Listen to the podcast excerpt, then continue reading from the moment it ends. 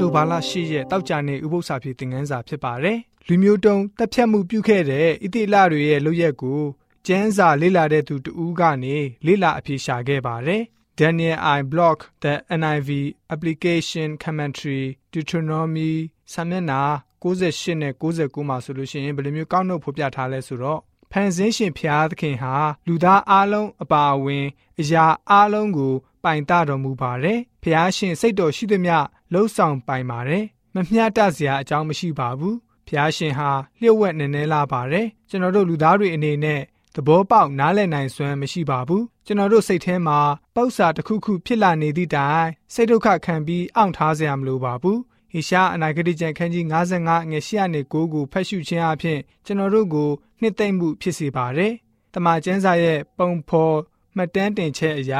ခါနန်လူတွေဟာ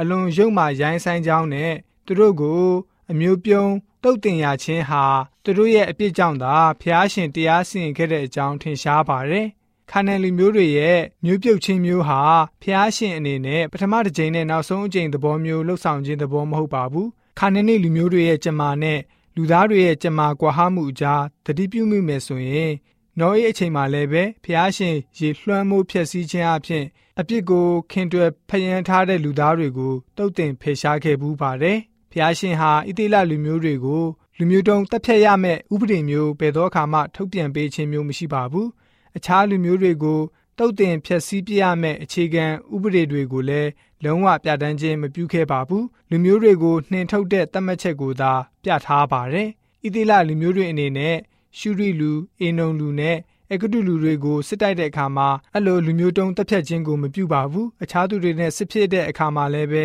အဲ့လိုပြုတဲ့ တမိုင်းမှတ်တမ်းမရှိပါဘူးခါနနိလူနဲ့ပြဿနာဟာဖျားရှင်တည်တံ့တတ်မှတ်ချက်ဖြစ်ပါတယ်ခါနန်လူမျိုးတွေခံစားရတဲ့ကြမာမျိုးဟာတစ်ချိန်ချိန်မှာလူသားအပြစ်သားတွေတသွေးမတိန်ရင်ဆိုင်ရမယ့်ကြမာပဲဖြစ်ပါတယ်ဖျားသခင်ရဲ့တရားစီရင်ခြင်းပဲဖြစ်ပါတယ်ဖျားရှင်ရဲ့တရားစီရင်ခြင်းမှာခါနနိအမျိုးတွေဟာပြစ်မှတ်အလုံးဖြစ်ခဲ့ရတော့လည်းပဲသူတို့ဟာနှစ်ပေါင်း40အနည်းဆုံးကြိုတင်တတိပေးထားခြင်းခံထားရပြီးဖြစ်ပါတယ်။ ခန္ဓနိလူကိုဖျားရှင်တုတ်တင်ဖြည့်ဆည်းခြင်းအမှုဟာကယ်တင်ခြင်းတမိုင်းမှာ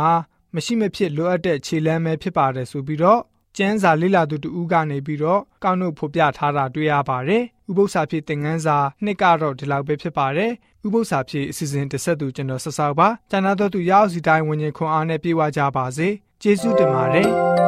။